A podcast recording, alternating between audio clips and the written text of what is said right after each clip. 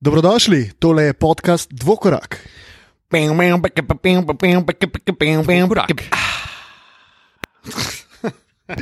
Vidim, da smo dodelali že tale intro. Mal. Ja, ja. Uh, neč podcast Dvokorak ostaja na turneji, oziroma sta na turneji dve tretjini. Ekipe Dvokoraka, Luka in Matija se vam javljava iz sončnega in zelo, zelo toplega Melbourna. Tilan, kako je pri vas? Jaz pa še naprej, podobno kot pred dvema tednoma, iz meglene Ljubljane. Jutro je mrzlo, neč se nekaj dosti spremenilo, podobno kot pravama, sem kaj tu mrzlo, tam pa vročina. Sicer slaba novica uh, z Melbourna. Eni izmed, uh, enemu izmed ključnih igralcev ekipe Dvokoraka se je zgodila tragična poškodba pred nekaj dnevi. Luka, kako se počutiš? Uh, ja, počutje je zaenkrat kar vprašljivo, bi rekel. Predvsem zato, ker uh, ja, je hrbet nastradal, ne? basket uh, špilat v poletju, ko je vroče in se ne ogretne. In potem Matijo, Mati zarolat uh, kolena in uh, gležnje, obenem pa si zarolat tudi sam sebi hrbet, tako da sem ravno iz obiska fizioterapeuta, ki me je udaril po žepu za približno 80 evropskih evrov, ampak 120 dolarjev tule v Avstraliji. Upam, da bo bolje. No? Rekel je, da, da naj bi bilo v dveh do treh dneh po obisku bolje. A pa si zdaj day to day za igro ali si out? Ne, ne, zdaj sem kar out. Zdaj sem indefinitely out, uh, tako da sem injury eligible, uh, day to day pa upam, da bo v četrtek ali pa petek. No, super, super. Važno, da gre najboljše. Jaz bi samo kronološko dodelal zadevo. Uh, ja, definitivno gre. Lukas se danes počuti veliko boljš, tudi jaz lahko povem. Bi pa sam kronološko mal zadevo obdelal. Res je zarolal in gležne in kolena, ampak to sekundo zatem, ko se je Luka v slogu 90-letnika prijel za hrbet in smo ugotovili, da je zadeva resna. No, ampak, ko smo že ravno pri resnosti, predlagam, da se resno lotimo tudi našega podcasta. Glede na to, da gostitelja tega podcasta, recimo iz Melbourna, že imava svoje ideje o prvi tematiki, pa vseeno prepušča besedo slovencu, oziroma eh, edinemu slovenskemu predstavniku danes, kar se lokacije tiče. Tilan, si kaj po hejtu v zadnjih dveh tednih? Uh, mislim, da glede na to, da me je po zadnjem podkastu Luka označil kot glavnega nergača, uh, nisem kaj dosti razmišljal o, o hejtu. Mm, zdaj. Mogoče bi lahko rekel kot hejt to, da, da Luka ni bil zbran v prvo peterko All Star, ampak dejansko sem to bolj ali manj pričakoval, tako da to ne bi mogel označiti kot hejt. Uh, bi pa mogoče uh, označil kot hejt eno govorico, ki jo bom zdaj navezal na Kajrija Irvinga, pa tudi če mogoče je tudi neosnovana, pa jo lahko razširimo nasploh na igralce. In sicer zasledil sem zdaj v enem izmed uh, ameriških medijev, da naj bi Kajri Irving razmišljal o tem, da ne bi podaljšal pogodbe z Bostonom po letošnji sezoni, ker mu nekaj ne sede tam. Pač Allah, fanti malo potrpežljivosti pokažejo v tej ligi, pa se zavedajo, da imajo veliko srečo, da igrajo v ekipi, ki realno na vzhodu, kljub temu, da so trenutno peti, pa niso glih najboljši formi, še skozi komod pridajo tudi do finala lige, kar so si prizadevali zadnjih osem let ljudje neuspešno zaradi Lebrona Jamesa pa cenijo to, da imajo tako ekipo, pa enostavno so malo bolj potrpežljivi, pa dajo mogoče kako leto več, tudi če prvo leto ne rata, pa lani je bil Irving poškodovan in zdaj prvo leto na pol njegove prve resne sezone, ko lahko konstantno igra, že razmišlja o tem, da mogoče pa ne bi podpisal, ne bi podaljšal itd. Pač to se mi zdi skrajno neprimerno tudi z njegove superstar strani, če je on nek franchise player, kar ga najbrž imajo v Bostonu za takega, pa si tega enostavno ne bi smel prvočiti, pa to velja tudi za ostale razne Jimmyje, Butlere in podobno. No, jaz bi se sicer strinjal s tabo, um, se mi pa zdi, da so takšne novice um, v javnosti izključno zato, ker je pred nami trade deadline, o katerem se bomo danes tudi uh, veliko pogovarjali. Um, Obenem pa je, mislim, da to zelo, zelo prezgodaj o tem govoriti, oziroma uh, karkoli razlagati o tem, kaj je Irving. Vemo iz kakšnega testa je, vemo za tisto trojko pri Clevelandu, ko je odločil serijo. In mislim, da bi njemu samo prav prišlo, recimo, če bi se zgodilo, da bi AD prišel poleti. In mislim, da je to v bistvu bolj kot ne iskanje nekih novic, bolj senza senzacionalizem, bolj. Uh, rumenoslovje in mislim, da saj jaz sam na to ne bi dajal nikakršne veljave. No. no, jaz bi pa zdaj na tej točki pohvalil izraz rumenoslovje. Fantastično, Luka, res mislim. odlično. Hvala, se po mojem hejt kotičku ne bo še štasga mnenja. No, sam še mogoče trenutek pred Lukovim hejt kotičkom. Meni se tudi zdi, da je to kreacija medijev, zato ker je um, najprej prišlo uh, v medije to, oziroma Kajri novinarjem povedal, da je poklical Lebrona in mu povedal, kako težko je biti vodja ekipe, ki se bori za tako visoka mesta, kot se je Cleveland uh, v njunem obdobju. Potem je pa še Lebron tegu. Kaj je v enem insta storju ali kaj že in mediji so valjda pograbili zadevo in naredili velik boom iz tega. Jaz malo verjamem, mislim, da to res eh, spada v rubriko Rumenosloja. Ja, bomo pa uh, priložili še Michael Rappaport, ki je odlično, odlično na svojem Instagramu povzel to dogajanje med Kajrijem in Lebronom. In Rappaport bi bil zagotovo eden izmed tistih, ki ne bi imel težav s kakršnim koli hate kotičkom. Jaz sem danes imel težavo. Uh, sicer smo znani kot veliki hateri in da znamo veliko stvari popluvati, tudi na Twitterju nam je eden izmed naših poslušalcev dejal, da morda pa ni tako zadovoljen z našo negativno nastrojenostjo, ampak dobro, uh, moj tokratni hate kotiček je sicer bolj za šalo, kot za res, ampak. Uh, Jaz ta teden hejtam Tilna Lamuta. Da nehi, no. Ne, ampak samo tvojo izjavo, pa se sem rekel, bolj za šalo, kot za res. In sicer Bugi je nazaj, ne? Tilen si videl, prvi Ja, res je. tekmi. Res je. In Začetek kaj se je zgodilo? Začetek konca za Golden State. Pa smo videli, Mark kako je. Bugi odigral prvi dve tekmi. Mislim, mi da tukaj v Avstraliji imamo zelo um, tako.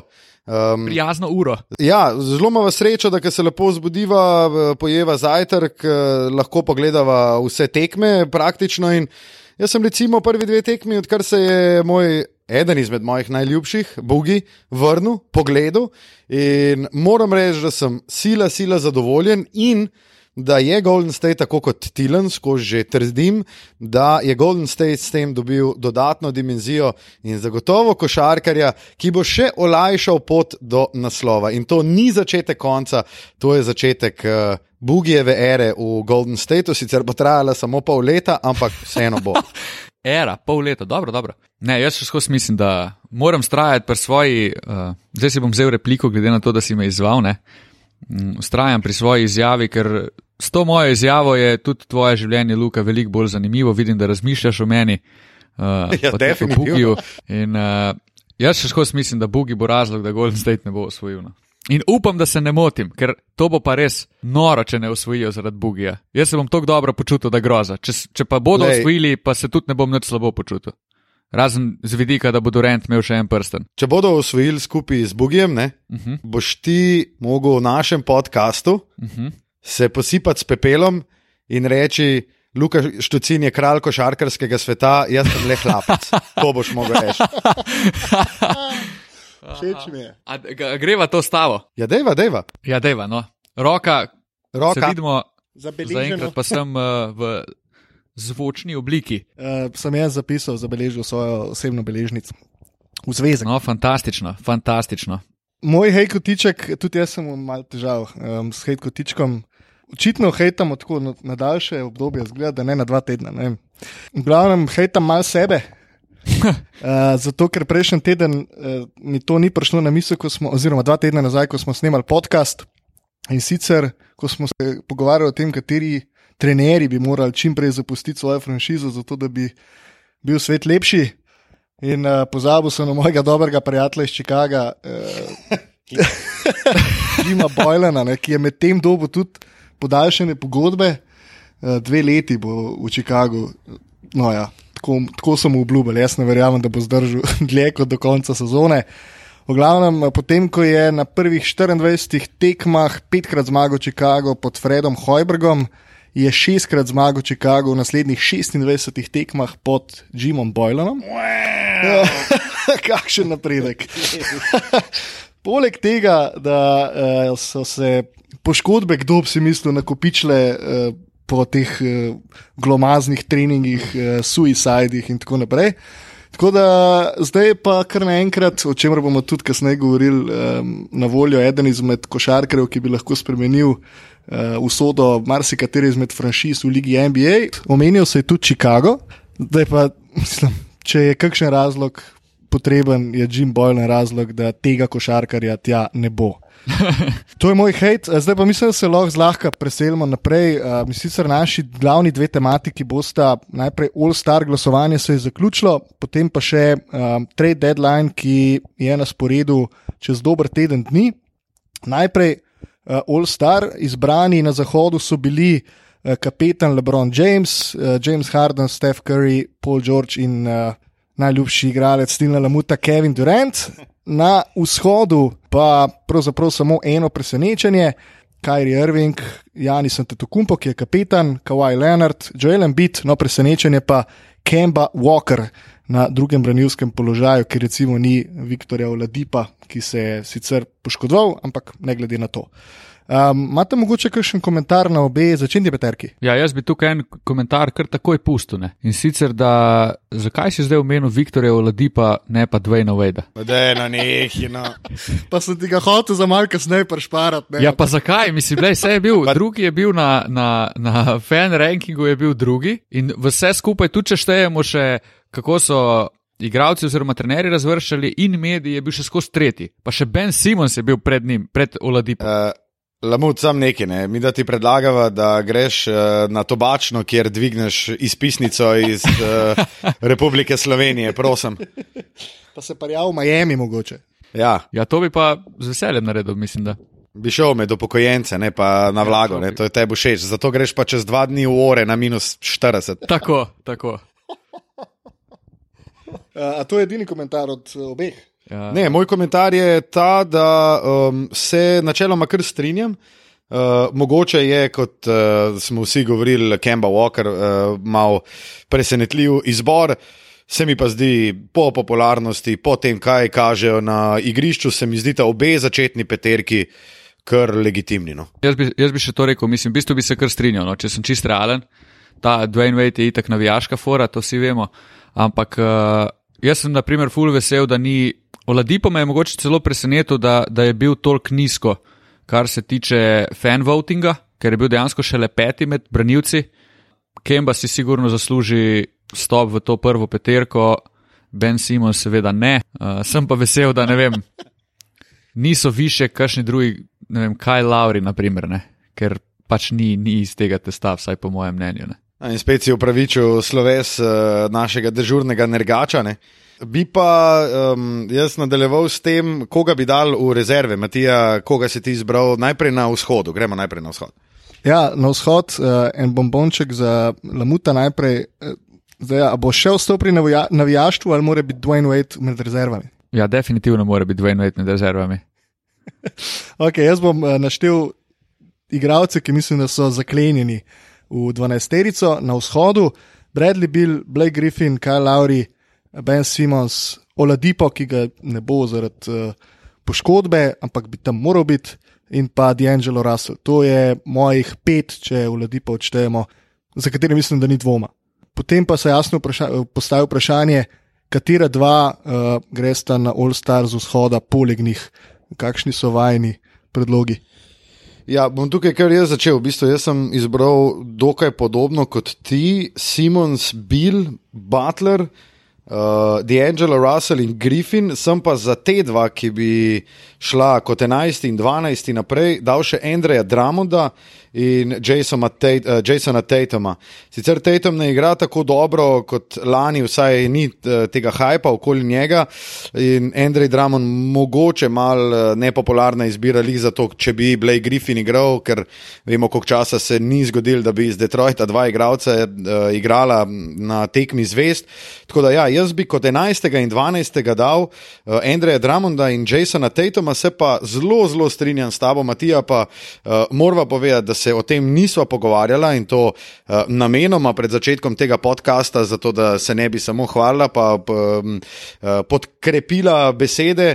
Um, se mi pa zdi, da Sidi Angela Russell zasluži letos All Star in pika. Allah, Luka, sem še enkrat poveš prvih pet, ki bi jih uvrstil. Simons Bill, Butler, uh, Angelo, pa pet je kdo?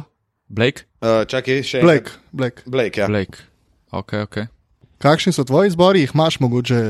pripravljen. Uh, ja, mislim, nisem, nisem uh, vnaprej, ampak zdaj po pregledu igralcev bi se večini kar strinjal, mogoče s tem izborom, sicer bi uvrstil dve naveda, absolutno uh, zraven. Se strinjam, da D'Angelo Russell si zasluži mesto na All Staru letos. Jaz mogoče ne bi dal na All Star Jimmyja Butlerja. Ja, zelo nepopularna izbira. Mislim, po eni strani razumem, po eni strani razumem, zakaj bi ga dal, pa tudi njegova kvaliteta je taka, da si zasluži mesto na All Staru, ampak letos, a je on res letos prikazal toliko dobre igre, da bi ga uvrstili na ta, na ta All Star, vem, zdaj bo takoj spet hate name, a jih je Dwayne Wade prikazal, ampak vsi vemo, da tukaj gre bolj za respekt ob koncu karijere, kot pa kaj drugega. Bi pa še enega igralca izpostavil, ki bi ga jaz full hotel videti na, na All Staru, pa ga sigurno ne bo tam in to je Vince Carter. Ja. Meni bi bilo Ja, top, saj če bi ga bi radi na vsi videli, Vince ne. Carterja dali kot 12. igralca na mesto, ne vem, če se kdo poškoduje, pa bog ne daj, eh, da pol prije Vince Carter, no to bi bilo meni res super, super, ker si zasluži tudi. Praznoval je ne na zadnji rojsten dan pred kratkim, vse najboljše, vi si. Pa dobro, vsega bo Matija Kosmač tudi uh, praznoval 10. februarja, tam tam ne. Ja, no, sej, pa, bom si- pa rekel, ja, pa ne bo igral na All Star. najboljše, Matija. Koga boli Džoko, če ima 42, 41 rojstni dan, če ne odšpila, ni na, ni na All Starsu, kva se mu zdaj na pretekle lovorike naslanjali. To si ti, ki ima Wade, pa zdaj Carterja, pa dej, dej še Stefana no. Marburyja iz Kitajske prpel, pa ga dej v All Star. A si, Luka, si v bolu malo?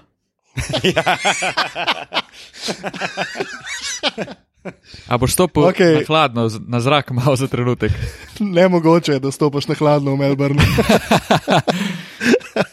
Sicer pa sem še ta komentar za Tatuma, se absolutno strinjam, da kljub temu, da ni glih najboljši letos, da si zasluži to mesto. Okay, jaz bi sam še to dodal, pa bi mogoče moral že na, že na začetku. eh, Predvsej je bilo tega eh, govora tudi eh, v zadnjem obdobju. Ne glede na vse, je tole popularnostno tekmovanje. All Star je tekmovanje, na katerega ne gredo igralci iz najboljših ekip, ampak gredo igralci, ki so nam všeč. In konec koncev se moram tle postaviti na stran Lamuta in reči, da okay, pač Wade ima tak fanbase, da bo mogoče zaradi tega celo prišel na All Star. Matija, Um, čeprav, čeprav se z marsičem, kar počne, ne strinja, uh, sem pa vesel, da si bo lahko doma v sobi obesil uh, dres od Benja Debula uh, iz Chicaga. Krasno. Um, okay, gremo na zahod. Tam so bili zbrani Harden, Curry, Lebron, George in KD v prvo peterko. Moje rezerve, ki so zaklenjene, so Anthony Davis, Nikola Jokic, Damian Lillard, Clay Thompson, Russell Westbrook. Eh, Potem pa se, po mojem, začnejo pogovarjati o Rudiju Goberju, Tobiasu Harrisu, Lamarkusu Aldridgeu, Demarju DeRozanu, Donovanu Mitchlu, Luki Dončiću, ne na zadnje Derrick Rose, Steven Adams. Mislim, bazen košarkarjev, ki bi lahko bile, bili rezerve na zahodu, je širok. To je nekako bazen, iz katerega bi jaz vlekel igralce. Lahko prosim, poveš sem še enkrat vseh pet. Uh, Davis, Jokic, Lillard, Thompson, Westbrook. A, okay. Potem pa dva, izmed katerimi uh, pa izbiram, je pa bazen ogromen. Ampak koga bi pa zbral? Luko Dončiča bi izbral zato, ker sem navijač. Um, poleg njega bi izbral pa verjetno uh, Donovana Mičla. Zanimiv. Uh, Tilen, uh, vsaj glede na tvoje besede, da je, mislim, da vrelec že pripravljen. A, ne, nikakor ne. Mislim, meni je ta. Ja, si izbor se dober. ker ponavadi imaš to tako pasivno agresijo. Ponavadi rečeš, aha, a boš še enkrat povedal in potem eksplodiraš. Ne, ne, ne, veš kaj, zapišem si, da pol uh, lažje vidim. No. Pa pokomentiram. Zapišimo. Edin mogoče se ne, mislim, ne vem točno, zakaj bi uvrstil Kleja Thompsona noter. Zakaj je on lok? Bolj sem pričakoval, da ga boš dal med tisti bazen igralcev, med katerimi bi se zbiralo. No. Ne, vem, zato ker eh, se mi zdi, da igra za najboljšo ekipo na svetu in uh, je, po mojem, vsaj tretji najboljši igralec. In je na določene večere igralec, ki ga je najlepši gledati v ligi. Dobro si to opisal, nimam kaj dodati. No, jaz bi pa recimo na West dal kot lok, bi dal Westbrooka, Jokiča, tem Antonija Davisa, Damiena Lillarda, uh, potem pa v bistvu imam tri, ki bi jih izbral, oziroma ki pa mi niso tako zaklenjeni, in sicer Drew Holiday, uh, potem Tobias Harris, kot je rekel Matija, in Draymond Green. Kaj, kaj, kaj, kaj je smešen? Kaj ti je? Dobro, Tremont Green tudi meni ne paše. glej. Ne, ne, ne. Meni je Draymond Green všeč izključno zato, ker jaz bi ga precej raj imel uh, v svoji ekipi, recimo kot Kleja Thompsona. Pa izključno zaradi tega, ker je vse stranski košarkar in jaz na podlagi tega nepopularnosti, Tilen Lamut, izbiram svoje All-Starje in zato je Draymond Green med tem, oziroma v tem bazenu za 9, 10, oziroma za 10, 11 in 12 pozicijo. Medtem ko so slovenska javnost sprašuje, kje je Demarko Skazins. Ne? Ja. Lej, če bi Tako. Demarko odigral še tri tekme, pol bi ga dal v prvo peterko. Tekem, opa, merilo. ja, lej, pet tekem je dosti, da vidimo, kam eh, pa staco moli. ne? ja, veš kaj, to, kar se tiče Draymonda Greena, se bom kar strinjal s tabo, Luka. Meni je Draymond Green Kaj? ful dober igralec. Mogoče se ne strinjam s tem, da si ga uvrstil v All-Star, ampak kar se tiče Golden State, mi je Draymond Green mogoče drugi najljubši igralec. Ej, se pa, se pa uh, mislim, da se moram jaz zdaj posuditi s pepelom. Mislim, da nisem Dončiča omenil. Ja, to pa Ne, je nisem. tudi res. Ne, ne. Ja.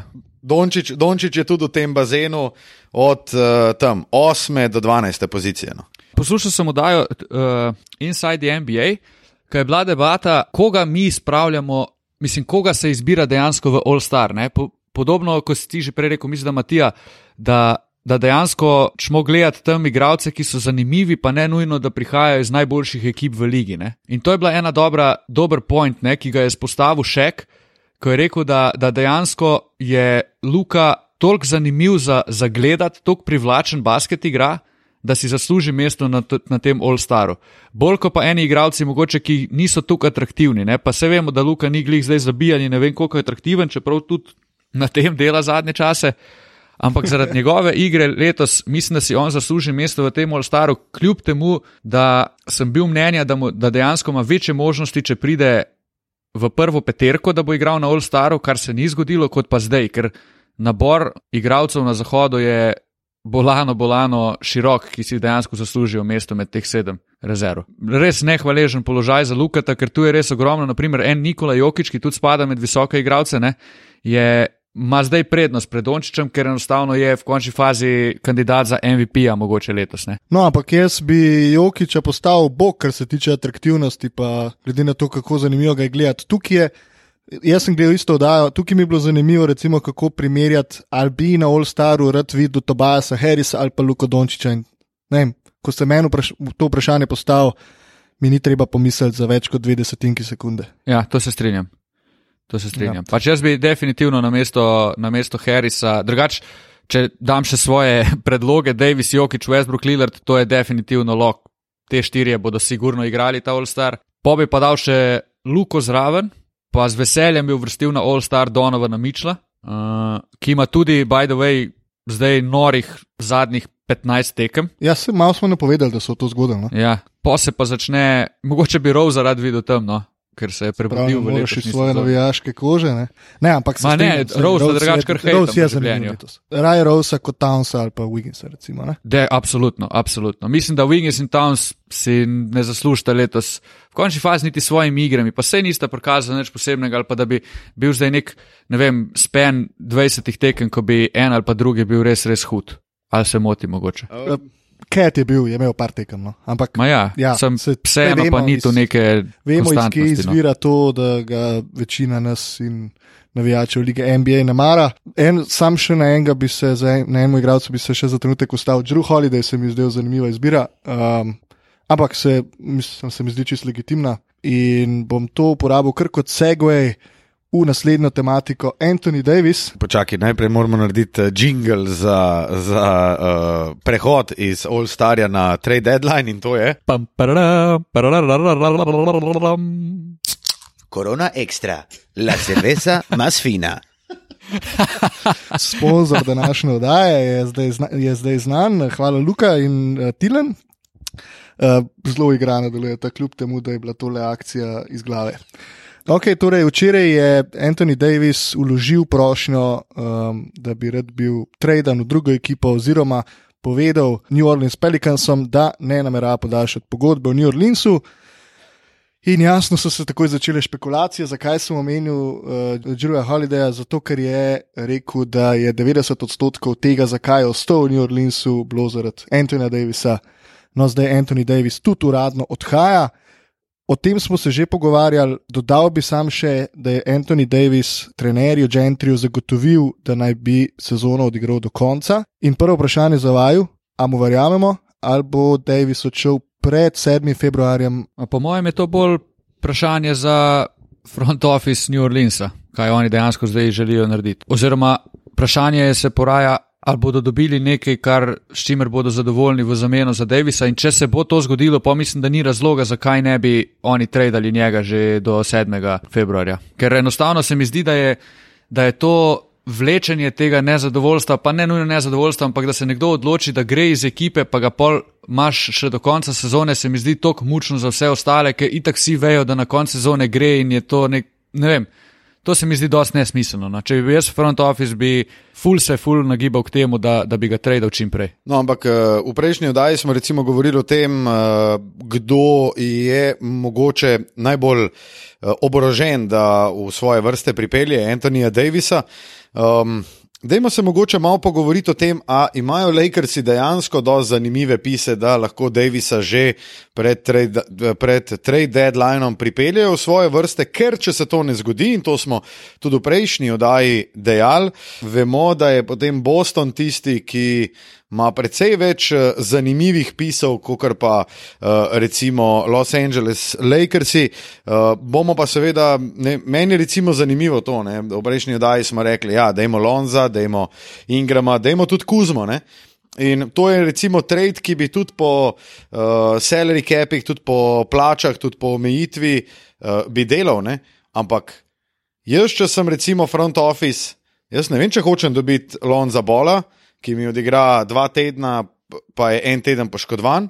Ne vem, če bi hotel Brendom na Ingrama, ki že v prejšnji oddaji smo rekli, je uh, dokaj um, politično korektno. Rupica. Um, in ne vem, če bi hotel, seveda, Kajla Kuzmo, ki meni čist osebno ni naredil ne vem kakšnega preskoka, kot ga recimo uh, delajo ameriški mediji, oziroma kot o njem govorijo kot uh, nekomu, ki pa je zares pomemben del Los Angelesa. Kaj mislite, vidno? No, jaz, na primer, Kuzme ne bi dal. Jaz bi Kuzmo Ja. hotel zadržati, ker dejansko, mislim, Lakersi, verjamem, da si ful želijo Davisa, pa tudi prav je, da si ga želijo, ker oni rabijo poleg Lebrona še enega res super, super zvezdnika. Ne? Ker tudi če čakajo na te mlade igralce, oni še skozi rabijo, če bodo enkrat super zvezdniki, rabijo še par sezon do tega statusa. Zdaj toliko časa Lakersi nimajo in rabijo nekaj superstar power. In pa se poraja tu že vprašanje, če zdaj ne dobijo Davisa, kdo je tu naslednji, ki bi ga lahko bodli, pa je dejansko kompatibilen z Lebronom, pa bi si želel priti v Lakers. Kavaj, že se je nekaj govorilo, pa je sam rekel, da naj raj ne bi šel, Paul George je že zavrnil to opcijo. Ne. Tu se, po mojem, morajo Lakersi full puša zdaj za Davisom. Uh, ampak hkrati pa ne smejo dati preveč, vsaj po mojem mnenju. Je pa res, to, kar si Luka omenjal, se strinjam, da če daš, ne vem, Ingrama pa, pa Bola, je to dost za, za New Orleans, pa tudi če namečeš zraven še pike. Ne? Jaz sem rekel, da to ni dost Ja. za New Orleans. To je dosti samo salary cap wise, ni, ja. ni dovolj. Ok, eh, mojih 5 centov na situacijo. Uh, Lakersi so uh, že rekli javno, da Lonzo bo udeležen v vseh pogovorih za trade. Uh, Lonzo to Camps je že rekel, da hoče drugam, da noče v New Orleans, ker bi rečel v ekipo, kjer bi bil začetni organizator igre. Uh, udeležen bi bil v tradu Kal Kuzma zagotovo in Ivica Zubac zagotovo. To so tri igralci, ki naj bi jih bili Lakersi, kjer naj bi nekako se začelo vse skupaj. Jaz bi zamenjal, no, če bi eh, že sam bil na čelu Lakersov, bi tudi raje obdržal Kuzmo in se znebil Ingrama. Potem, če pa pogledam strani New Orleansa, bi pa, ne, meni se zdi, da to sploh ni tako slabo, da oni dobijo Lonza Bola, Brendona Ingrama, pa če imajo srečo tudi Kuzmo, pa Zubaca. To se mi zdi, če dobijo to. Se mi zdi, da so lahko zadovoljni. Brandon Ingram je trenutno res rupa, ampak mogoče je rupa tudi zato, ker to, da igra on poleg Lebrona Jamesa in se mu podreja, mogoče ni najbolj za njega. Ne vemo, kakšen je njegov končni potencial, ampak mislim, da se dosti bolj znajde v vlogi, kjer ima uh, večjo avtoriteto v napadu, pa lahko tudi sam malo več organizira. In na koncu koncev dobiš štiri kose, štiri igralce, ki so lahko nek uh, cornerstone za grajenje franšize za naslednjih deset let. Jaz sem mislim, da tudi v teh uh, tradih bi mogel biti vključen tudi Caldwell Pope, ki ima sicer zelo uh, visoko pogodbo, ampak mislim, da on, on ima, mislim, da no trade klauzulo celo in ga ne morejo prodati. Ampak če bi pa re- recimo lahko waval to klauzulo, če bi se on strinjal, bi imeli pa Lakersi precej, precej lažje delo, zato ker bi uh, lahko, recimo, ga dal New Orleansu, on ga wave in se v bistvu uh -huh. uh, ni treba, seveda, plačati uh, v popolnosti. Obenem se bi pa strinjal s tabo, Matija. No? Um, da, mislim, meni se Anthony Davis, Davis zdi tako velik pis, ta game changer, poleg Lebrona Jamesa, ne sam. Videli smo, da samo v bistvu nič ne more. Ampak poleg Lebrona Jamesa se mi zdi ta game changer, zdaj pa pač spet vprašanje to, ne? ali počakamo, ali gradimo zdaj. Win now or. Maybe lose later, ne? ker, je, mislim, ker je zelo verjetno, da imajo ostale ekipe precej boljše pise, da v svoje vrste pripeljejo AD-ja. Ja, zdaj sicer ne vem, kje si ti našel, da Lebron sam ne more čist nič, ampak dobro. Jaz sem rekel, da Davis ne more nič sam, če ne bi sedel na ušesih, gospod prijatelj, uh, Tilen Lamot. Tilen tako rad ponerga, da rad kaj preslišiš. Uh, okay, uh, govorili smo o Lakersih in Bostonu, Boston tako, tako ne more nič narediti pred poletjem, tako da Boston pustimo za poletje. Veš kaj, se jaz bi samo eno, sam eno stvar bi rekel za Boston. Boston ima letos spet, verjeli ali ne, lahko štiri izbore v prvi rundi drafta. Ja, kar noro. je noro. In oni imajo s tem tudi mogoče za, za kakršen koli trade, res pa je, da ne morejo pač nič narediti do, do poletja. Ne. Tako, do 1. julija ne morejo nič, tako da jih bomo spustili do takrat. Pa vas bomo vprašali še, ali vidite kakšnega drugega potencialnega igralca v boju za Davisa. Glede na to, da Davis ni, ok, Rich Poli, agent Lebrona in Davisa, kar, je, kar nakazuje na to, da nekako hoče zrežirati prestop v Lakers. Tudi o temperingu se govori in New Orleans je že v pisarno vložil pritožbo. Ampak ja, vidite mogoče kakšno drugo potencijalno destinacijo? Mislim, meni je, jaz mislim, da so Lakersi absolutno v prvi vrsti. Pa tudi Davis je rekel, da on, če bo traden, da želi biti traden nek winning franchise. Ne? Se pravi, da on se želi postaviti v situacijo, ko bo začel zmagovati takoj, pa šel na long run v playoffu. In tu ima mogoče pol težavo z, z klubi, ki mu bi lahko to ponudili dejansko, ne? pa da on še skozi igra neko vlogo, ok, v, pač v Golden State ne bo šel, ne, čeprav je Golden State tretji v, v Vegasu na stavnicah, ki naj bi v bodu Davisa, kar je sicer smešno, ampak ok, pustimo to. Ne vem, govorilo se je o New Yorku. Ne. New York je, po mojem, prvo kot prvo, niti nima nekih dobrih trade chipov, drugo kot drugo, v bistvu v še slabšo situacijo pride Davis, tako da s tem se, po mojem, niti on ne bi kaj dosti strinjal, Chicago smo že obdelali. Ne vem, jaz vidim najbolj realno v bistvu kar Lakers. No, no uh, Samo trenutek, uh, Niksi, ki si jih lih omenil, uh, njih so omenjal v bistvu bolj v smislu, a uspel dobiti Zajana Williamsona in potem, če je Davis še na voljo, a je Zajan recimo lahko nek trade chip, ki bi um, ga Niksi uporabljali za, za trade. No, sicer pa ne bi bil poleg. Um... Poleg teh omenjenih ekip ne bi bil player, recimo tudi še Filadelfija. Uh, In sicer eh, za enega najljubših eh, Lamutovih košarkarjev, za Bena Simonsa, ne bi ga zamenjali. Predvsem zato, ker ne bi se AD dobro znašel z drugim visokim košarkarjem, kar je dokazal vsaj deloma že pri New Orleansu, ko je igral skupaj z morda največjim vseh časov, eh, Demarcusom Kaplisom.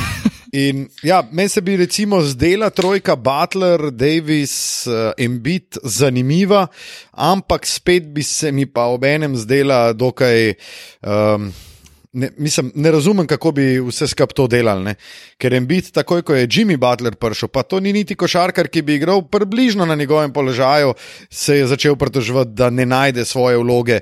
In mislim, da to uh, z dvema takima egoma pač enostavno uh, ne bi šlo. No. In jaz mislim, da AD ima možnost odhoda v dve ekipi in to sta Los Angeles Lakers in Boston Celtics. Dobro si to zaokrožil. Sem še eno stvar bi, mogoče malo razširil to debatico, zdaj pa povedal še eno stvar in sicer ena ideja se mi je utrnila. New Orleans, ne? če zdaj, na primer, oni dajo Davisa stran kamorkoli in pol se pojavi nezadovoljstvo pri Drewu Holidayu in še njega se odločijo tradati v full rebuild modu. Mislim, da je Drew Holiday idealen organizator igre za Dallas. Ja. Meni se to zdi ja, ja, idealna, ja. idealna situacija, in pol zamenjamo še Drewja z Denisom Smithom, pa dodamo še kak kos iz Dallasa. In to bi bilo, po mojem, tudi za Dončiča in celotno za Dallas, ker Holiday je izjemno hvaležen igralec, full dobro igra v obrambi, je koristen tudi napadu in to je bilo, po mojem, fantastično za Dallas. Ampak Jaz bi fulerat videl, da bi Dallas bil igralec za Antona Davisa, vse to sem že rekel.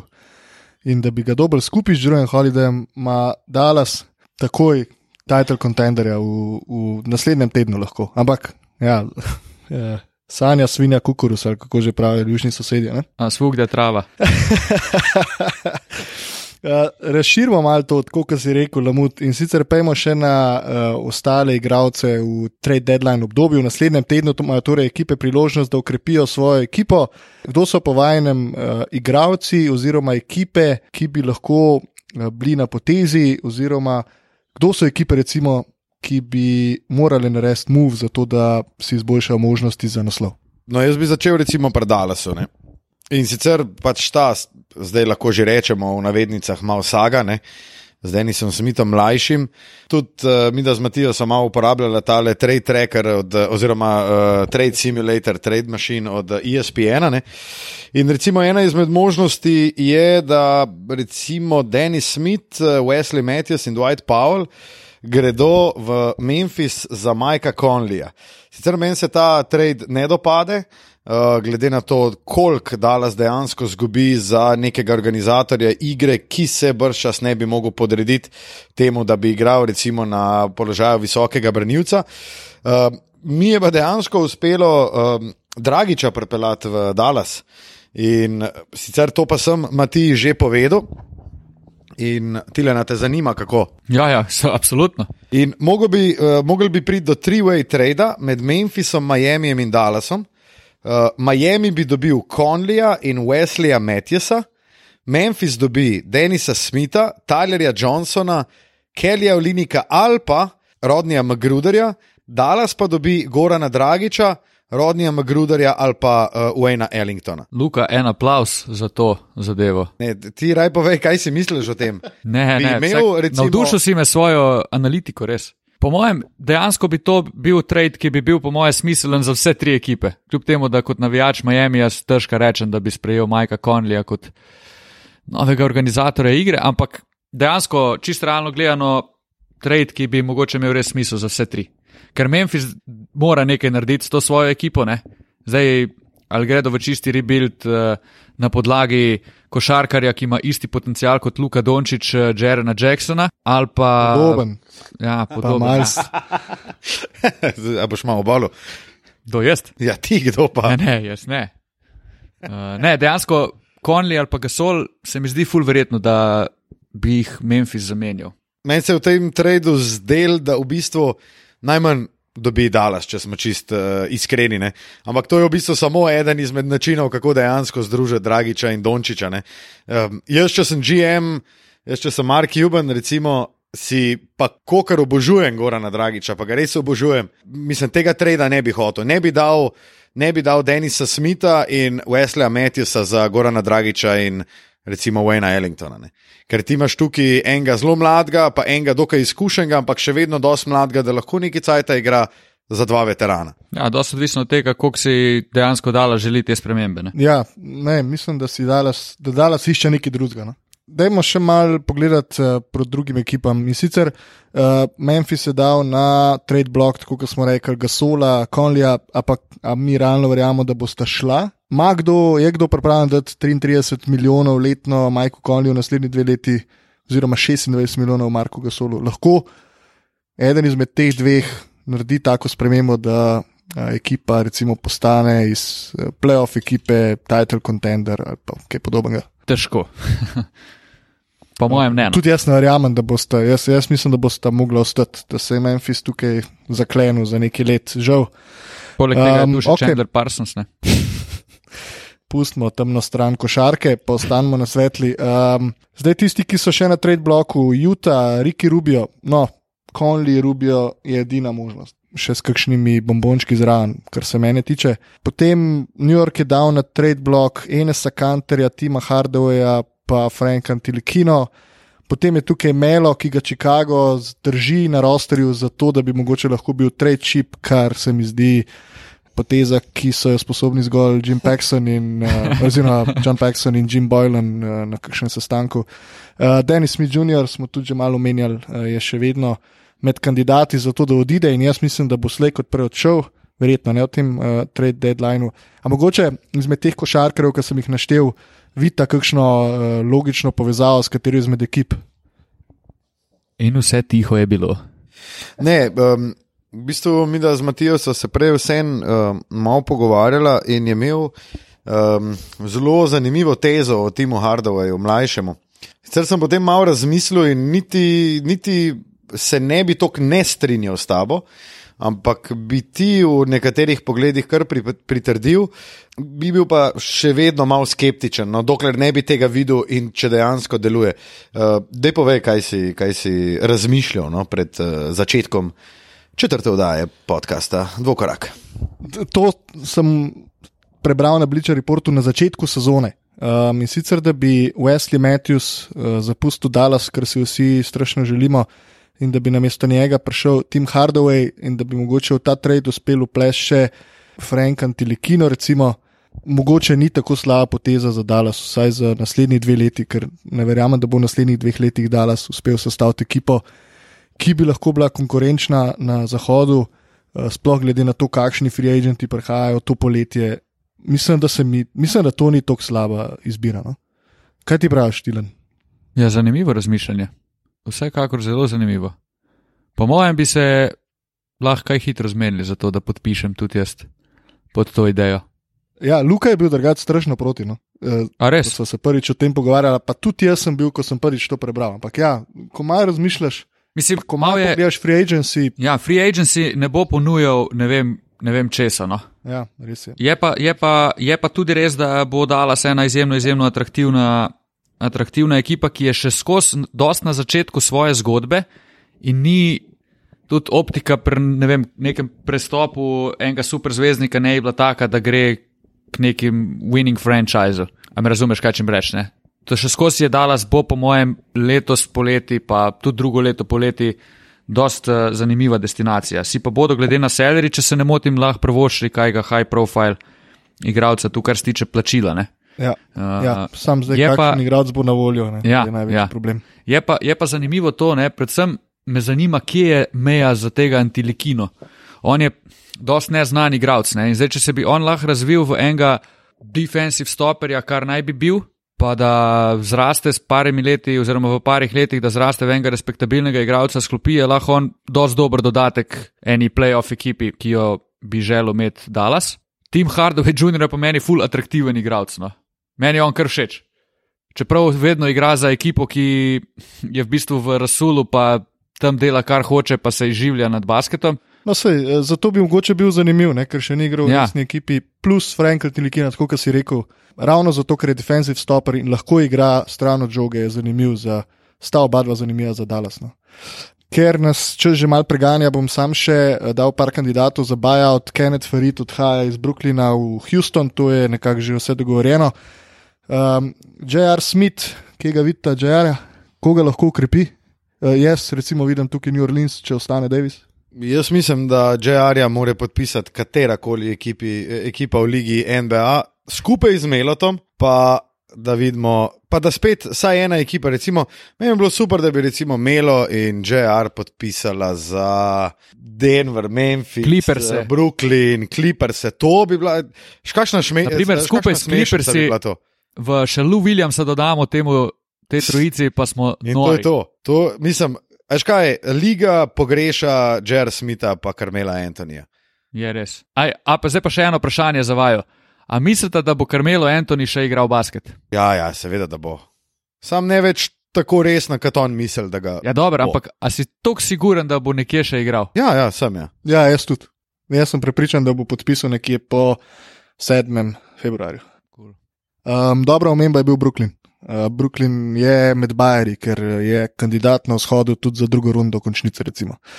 Potem ostane tukaj med resnimi buyout kandidati Sanša Robin Lopez, ki se ga je povezal z Golden Stateom. Chicago ga drži za talca, kaj se bo točno zgodilo, bomo pa videli.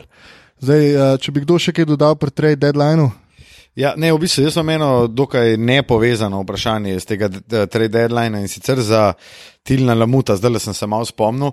Eh, Z Matijo tudi tukaj v Avstraliji, v Melbournu, spremljava valjda slovenske medije in vidi, kakšna poplava je o člankih, dosežkih Luke Dončiča. V veliki večini primerov se pred moštveno igro, pred tem, ali ekipa zmaga ali zgubi, daje njegovo statistiko, kar se mi zdi po eni strani se mi zdi malo narobe, po drugi strani je to hajpanje, po tretji strani pa to nabiranje klikov, nabiranje všečkov in tako naprej. Tilen, glede na to, da si ti kar konkretno v teh vodah, eh, Matija bo takoj po vrnitvi iz Avstralije v te vode tudi, tudi zaplaval. Um, Kaj recimo to pomeni za športnika? Naj uh, omenim, da je Matija, oziroma da je Tilan PR Ilke Štuhec. Recimo, kaj Ilka pravi, ko je okoli nje fama, ko so okoli nje novinari, ko vsak hoče uh, intervju ena na ena, ko vsak hoče odtrgati si tistih deset minut, ker mislim, da nekaj tazga v Ameriki ne samo čaka, ampak ga je že dočakalo in boh ne da, ko pride v Slovenijo, čaka Luko Dončiča. A je to pozitivno, a je to negativno? Kaj misliš? Ma jaz mislim, da je to pozitivno, zaradi tega, ker deep down si vsak športnik želi tega. Ne? Ker takoj, ko, je, ko si ti zanimiv za medije, ko si zanimiv za vse ostale, to pomeni, da si full dober ne? in da si te ljudje želijo. Je pa v teh momentih tudi ključno, da, da ostane športnik na realnih tleh, da, da ima za sabo ekipo, ki pa tudi je sam tak, ki zna potisniti to na stran, da, da ta pritisk, če mu rečemo pritisk ali pa da mu raj reči, ne vem, interes do njega z različnih strani, pa naj bodo to navijači, mediji, kdorkoli, so igravci, trenerji, da, da zna vsaj te zunanje faktore, navijači, mediji, toliko potisniti stran oziroma se distancirati od njih, da še skozi je osredotočen na to, kar more oni z dneva v dan delati. In Luka je po mojem že tako navajen tega, da groza. Ja, zanimivo si rekel, da pač vsak si tega želi, ampak ni tako, da recimo po dveh, treh letih pa to postane malo naporno, ni več, eh, ni več dobra stvar to. Ne? Mislim, postane, sigurno postane naporno. Ampak je pa tudi res, v prvi vrsti odvisno je od vsakega posameznika, pa karaktera, kakšen je. Ne? Pač odvisno je, kak si ne. Enim to paše ful, pa sprejmejo z veseljem, ene to ful moti. Možno je tudi, da tebe to bolj moti dejansko v začetku tega vzpona, ko se vse to skupaj začenja, pa ko spoh, če je to šoker za vse, da si tako dober, pa se pol s časom navadiš vsega skupaj, pa te vse manj moti, pa dejansko nekako rutinsko opraviš intervjuje, izjave, si navajen na to, da te pred dvorano čakajo vem, množica navijačev, množica novinarjev, pa tam podeliš avtograme, da te to ne vrže iz tira, ker si navajen na to, da bo vsak te hotel nekaj vprašati. Pa vsak bo hotel pet minut sam s tabo. Ne? In se tega tok navadiš, da ti je to ena rutina in je, kot da bi šel, ne vem, se zjutraj stal pa pojel zajtrk. Najbolj poli politično korekten odgovor vseh časov. Ampak je pa, je pa se pa strinjam. si vprašal. ne. Ja, Ja, se, mislim, se vem, da. a se, Napačnega človeka sem vprašal. meni se zdi to čisto logično. No? Jaz sem mislil, da ti bo, uh, mislim, da boš kaj povedal, da ti je Ilka kaj povedala, veš, da je imela poln kufr novinarjev, pa novinarskih konferenc, pa vsak je hotel p- pet minut cajta njenega. Ne? Ampak dobro, lej, ne, si pač si povedal, kar si povedal, ne? zdaj pa mislim, da bo Matija odnesel eh, četrti dvokorak eh, v pravo smer. Odnesi nas domov, Matija. Fanta, kje vaju najdemo? Ja, na ustaljenih kanalih Twitter, Instagram in pa Facebook, Tina Lamut, uh, mislim, da na vseh profilih me najdete pod tem uh, imenom in priimkom. Eh, Tudi mene na vseh družabnih omrežjih, et Luka Stucin oziroma Stucin Luka. Tudi uh, mene najdete v iskalnikih vseh popularnih socialnih mrež pod uh, imenom in primkom Matija Kosmač. Fanta, hvala za še en odličen pogovor. Slišimo se čez dva tedna. Do takrat, čau, čau. Čau. Bam, bam, bam, bam, bam, bam.